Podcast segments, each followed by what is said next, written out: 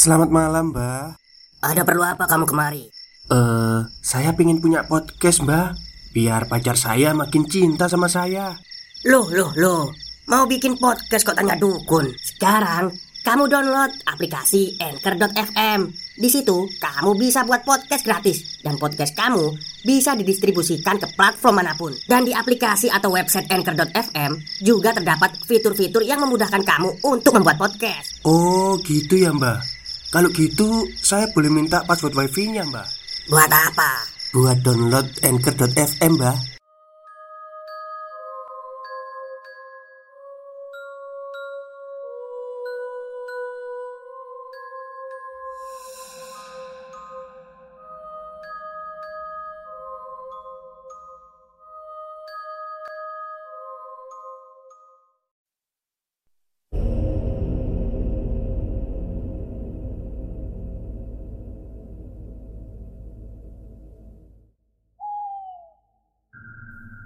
Assalamualaikum warahmatullahi wabarakatuh. Halo semuanya, jumpa lagi dengan saya Chow Sing Sing Kurator dari podcast Horror Night Story.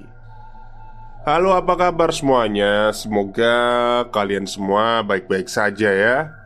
Dan seperti biasanya pada siang hari ini Saya kembali dan akan menghadirkan sebuah kisah mistis untuk kalian semua Kisah mistis kali ini saya datangkan dari tweet twitternya DJ Avarosa Yang menceritakan tentang keangkeran yang ada di kantor kerjanya. Seperti apa kisahnya? Mari kita simak. Rumah Abu ini lokasinya di Jakarta. Kebetulan saya asli Jakarta dan kerja di Jakarta daerah pusat lebih tepatnya. Tapi nanti cerita ini akan saya samarkan semua lokasi dan nama orang-orangnya. Berawal dari saya pindah bagian, lokasi kantor pun juga pindah. Gedungnya nggak terlalu besar, cuma ada lima lantai. Ada beberapa perusahaan swasta juga yang menyewa ruangan di sini. Kebetulan saya di lantai 4 Lantai 1, 3 sudah terisi dan lantai 5 kosong. Arsitektur gedung ini terlihat dari luar memang tua. Pengelola mengecat keseluruhan bagian muka gedung dengan warna putih. Sedikit lebih cerah dan terang dari luar. Namun Jika dilihat dari samping Bangunan ini nampak mengerikan, terlihat kotor dan kusam, seperti bangunan yang tidak pernah ditinggali oleh manusia. Interior di dalam gedung juga terbilang tua, dengan pencahayaan yang temaram. Maklum, ternyata yang saya tahu dari cerita pegawai di sini ya, memang ini bangunan sudah ada dari zaman Belanda.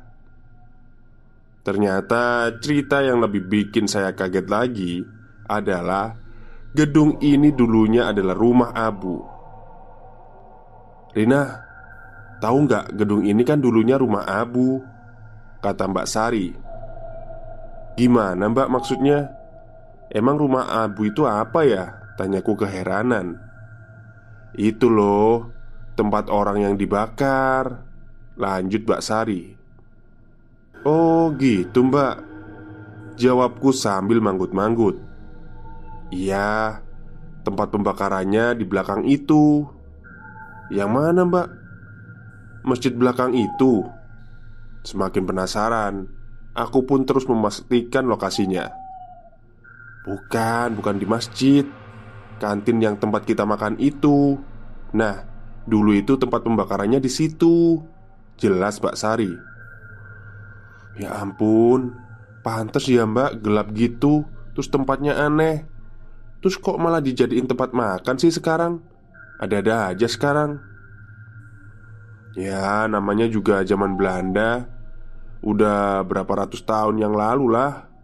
Makanya di sini sering ada penampakan. Lanjut Mbak Sari. Emang sering pada ngeliat mbak? Siapa aja yang sering lihat? Tanyaku semakin penasaran Wah banyak nah Nanti juga kamu dengar sendiri dari orang-orang sini Apa bisa juga sih kamu yang dikasih lihat? Waduh, masa sih mbak? Selesai cerita dari Mbak Sari, aku tidak begitu penasaran dengan apa yang ada di tempat ini. Menjadi takut pun tidak. Datang pagi, lalu pulang sore seperti biasa. Jika sudah mulai sore, banyak pegawai yang sudah beranjak pulang. Ada satu dua rekan kerjaku. Jika pulang menjelang maghrib dan kebelet pipis, selalu minta diantar ke toilet. Takut katanya. Padahal mereka sudah lebih lama bekerja di sini. Memang sudah menjelang sore dan mulai sepi. Terkadang suka ada suara di sekitaran jendela. Pada suatu sore, saya memang sengaja menunggu suami pulang. Hanya tinggal si Joni OB yang biasa bersih-bersih ruangan dan cuci-cuci perabot makanan di sini. Mbak Rina kok belum pulang? Gak takut sendirian di sini, Mbak? Tanya Joni sambil mengelap meja. Belum, Mas. Masih nunggu suami. Jawabku datar. John, itu suara apaan sih di ruangan Bapak? Berisik banget. Tirai, jende tirai jendela beradu sama tembok ya? Enggak kok mbak Jendela nggak ada yang kebuka Ketutup semua Jawab Joni Eh John Emang di sini ada apaan sih? Kok kata orang-orang banyak penampakan?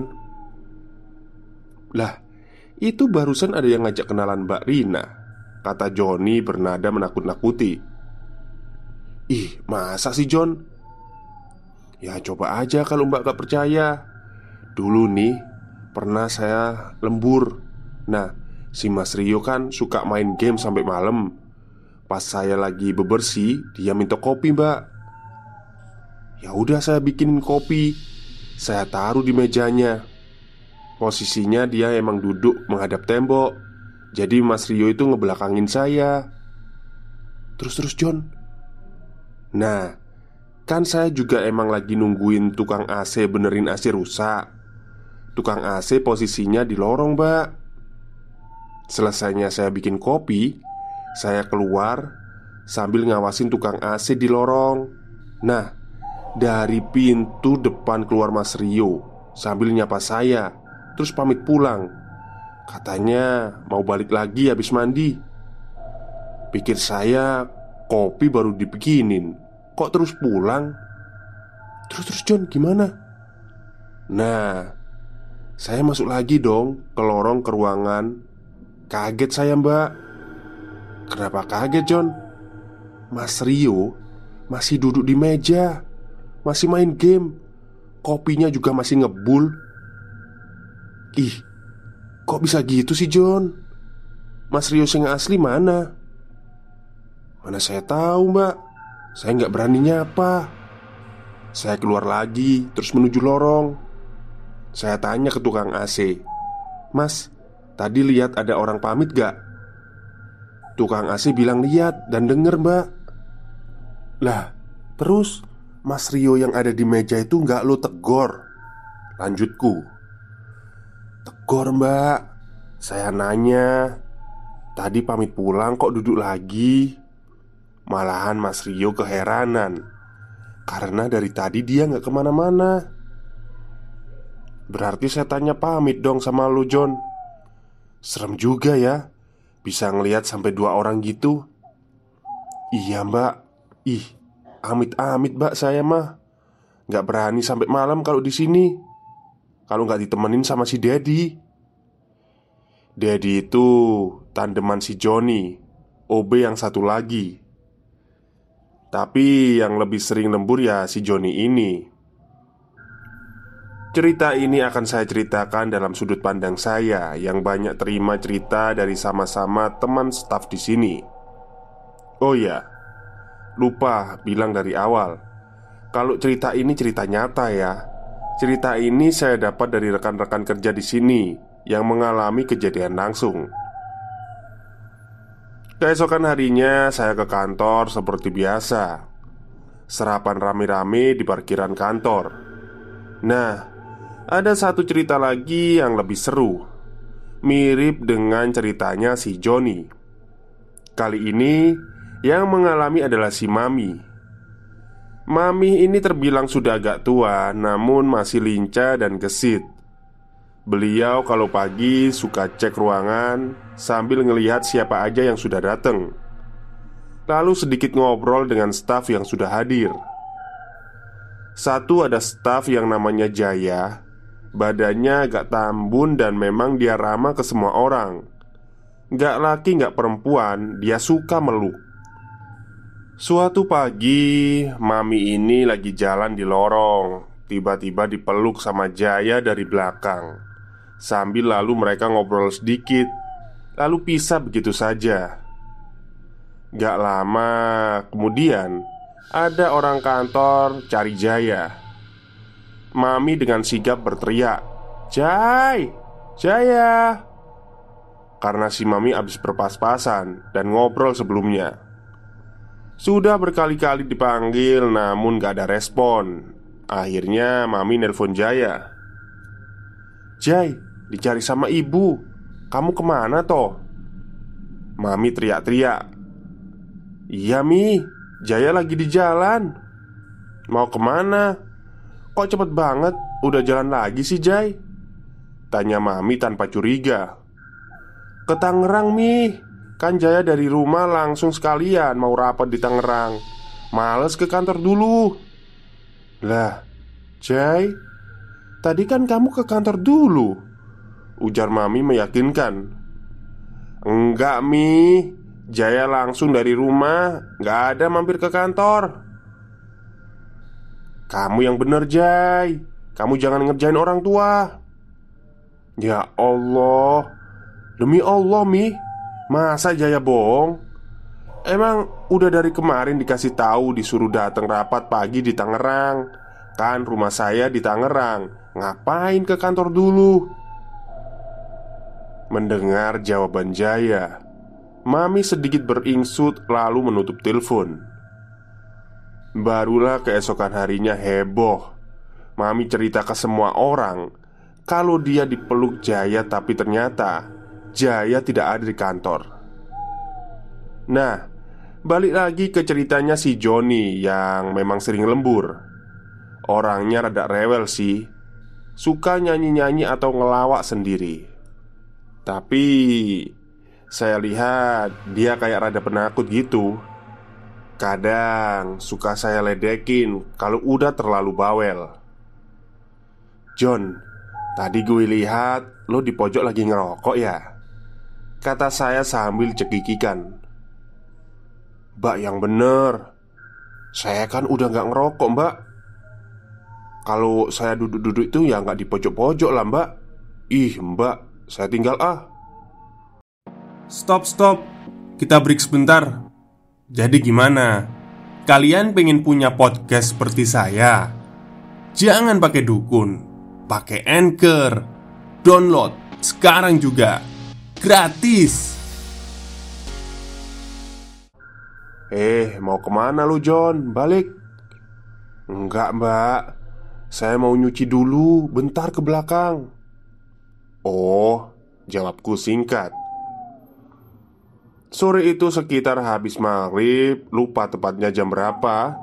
Cuma di luar memang sudah gelap. Ruangan juga sama sekali udah gak ada orang Saya sendirian Sambil putar lagu dari komputer Gak lama kemudian di pojok yang kebetulan ruangan bos saya Ruangan saya cuma disekat sama lemari besi Memang agak ketutup sama lemari besi yang tinggi. Tapi kalau dari posisi saya bisa kelihatan siapa yang mengintip. Memang agak jauh sekitar 50 meter Cuma kalau ada bos Saya bisa ngelihat karena sepi. Cuma kedengeran suara musik. Gak lama entah ada suara datang dari mana Klotek-klotek gitu. Sambil mirip suara bangku digeser. Saya kira si Joni udah kelar nyuci. John saya pun memastikan kalau itu Johnny, tapi tidak ada jawaban. Sambil menunggu suami, sambil chat juga dengan Mbak Sari yang sudah pulang duluan. Saya mendengar lagi ada suara klotek-klotek yang datang dari pojok ruangan. Dalam hati bilang, "Siapa ya yang duduk di ruangannya Bapak?" Lampu sebagian udah gelap Ruangan di pojok juga udah nggak terlalu jelas Dan ada apa saja aku nggak tahu Masih chat dengan Mbak Sari. Saya bilang Kalau saya ngelihat bayangan di ruangan Bapak Mbak Sari menyuruh saya untuk menunggu di bawah saja. Sambil beres-beres meja, saya pakai jaket lalu beranjak dari kursi. Saya penasaran mengintip ke ruangan Bapak lagi dari meja saya. Seperti ada orang. Ternyata benar, ada bayangan orang sedang duduk jelas sekali. Laki-laki, perawakannya tidak besar, tidak kecil, hanya duduk dan diam. Wajahnya tidak terlihat karena memang sudah tidak ada pencahayaan sama sekali di sudut ruangan itu. Agak nggak percaya juga dengan apa yang saya lihat Gak lama kemudian Johnny datang dengan membawa bak Eh, ngapain bengong mbak? Gak apa-apa John, gue balik ya. Hati-hati John, kalau udah kelar pulang aja. Di pojok ruangan bapak, gue lihat ada bayangan. Tapi gue gak tahu apaan itu. Ih masa sih mbak? Yang bener lo Lo kan bercandain gue mulu. Bener. Gue dua kali lihat bayangan badan laki-laki duduk di situ. Oh, udah lihat Mbak Rina. Kalau yang di pojok saya belum pernah lihat, Mbak. Lah terus lu lihat di mana aja emangnya? Ada banyak di sini. Di situ, Mbak. Sambil nunjuk meja atasan gue yang lainnya. Duduk di lemarinya. Di situ ada lagi cuma nggak tahu apaan. Suka berisik aja. Katanya sih kuntilanak Sama di sebelah nih Kalau di sebelah ini parah mbak Terang Joni Parah kenapa John? Ya gue malam-malam lagi vakum itu kursi kecil Terus kursinya itu ada yang nendang dua kali mbak Ah masa sih Ketarik sama kabel vakum kali Lanjutku Ya kagak lah mbak Kan kabel sama kursi beda tempat. Aduh, ya udah. Gue pulang dulu aja, John. Udah dijemput sama suami gue. Iya, Mbak, hati-hati. Kalau boleh saya deskripsikan di sini, bayangan yang saya lihat persis dengan perawakan si Pak Bos. Hanya nampak bayangannya saja. Lanjut boleh ya? Dan kali ini saya mengalami hal yang sama dengan teman-teman di sini. Beberapa waktu kemudian ada pekerjaan yang harus saya tanyakan ke pejabat yang berwenang. Kasih aja nama Pak Surya. Bolak-balik saya ke ruangannya, katanya belum datang. Ya udah, pikir saya nanti siangan mampir lagi lah ke ruangan. Belum sampai siang, saya hendak menuju toilet. Kebetulan di lantai ini diisi beberapa perusahaan. Kantor saya menempati persis setengah lantai di sini. Sebagian ada beberapa kantor dan sebagian lagi kosong. Beberapa langkah menuju toilet, saya melihat ada jendela terbuka cukup lebar. Sehingga saya bisa melihat isinya dari luar. Ruangan tersebut dengan jendela terbuka lebar di situ saya melihat Pak Surya sedang duduk sambil merokok. Entah ngobrol dengan siapa di telepon. Karena kebelet, saya buru-buru masuk toilet. Pikir saya, oh udah dateng ya Nanti ke ruangannya deh. Tapi di situ saya juga agak heran. Sedang apa ya Pak Surya di ruangan kosong sendirian? Tapi kelihatannya kayak lagi ngobrol. Cuma di situ saya nggak lihat ada orang lain. Tangan kirinya memegang rokok dengan posisi sambil menunjuk-nunjuk. Sementara tangan kanannya memegang rokok sambil mendekatkan ke kuping. Jadi saya asumsikan beliau itu sedang nelpon. Mungkin telepon pribadi. Jadi asal aja masuk ruangan kosong. Selesai dari ruangan toilet Saya tidak mengecek ke ruangan kosong tadi Tapi langsung ke ruangannya. Kadang saya duduk di meja depan Mbak Sari Meletakkan laptop di mejanya. Entah sambil makan atau kerja Sampai ada pembicaraan lewat telepon Mbak Sari menyapa seseorang di ujung telepon. "Eh, Surya, di mana lo? Dicari sama Rina nih." "Oh, ya udah, iya nanti gue kasih tahu Rina ya." Lalu Mbak Sari menutup teleponnya. "Tadi ada di situ, Mbak, Pak Surya."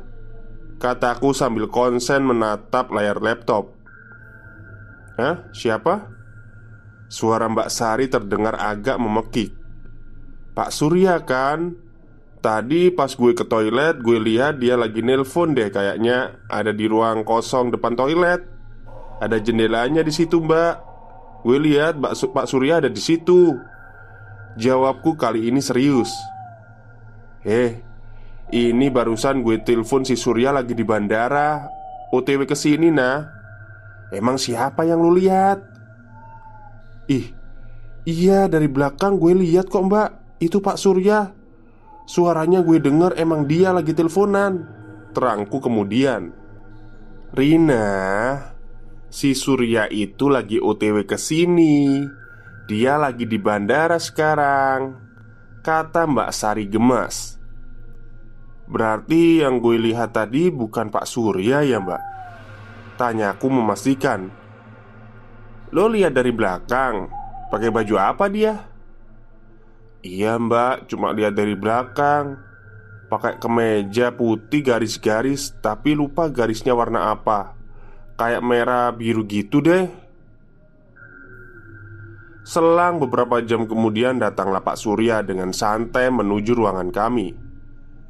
Nah, ini persis bajunya. Pak Surya tadi dari bandara ya? Sapaku Iya Gue habis dari bandara langsung ke sini. Kenapa emangnya lu nyariin gue? Tanya Pak Surya Ada kerjaan tadi Cuma tadi gue lihat lu di ruangan situ Kok ternyata lu ada di bandara sih pak? Jelas banget gue lihat lu pakai baju ini lagi ngerokok sambil ngobrol Sambungku kemudian Waduh, siapa yang lu lihat emangnya? Kok bisa persis sama gue? Ini beneran dari bandara loh. Ya udahlah pak, mirip bapak aja kali. Jawabku singkat. Lalu saya berpikir kalau memang Pak Surya dari bandara Berarti yang saya barusan lihat bukan Pak Surya Baru saya ingat Kalau beberapa kejadian yang pernah dialami orang-orang di sini hampir mirip dengan apa yang saya alami melihat dua orang yang sama. Saya juga tidak terlalu ambil pusing dengan kejadian-kejadian ganjil yang pernah terjadi di sini. Cuma saya ambil kesimpulan aja bahwa sebetulnya di tempat saya bekerja memang banyak penghuninya. Terima kasih. Baik, itulah kisah lumayan panjang ya dari tweet Twitternya Mbak DJ Avarosa yang menceritakan tentang uh, kantornya ya. Tapi masih untung lah ya kalau diperlihatkan dengan orang yang sama persis. Kalau diperlihatkan wujud aslinya gimana tuh?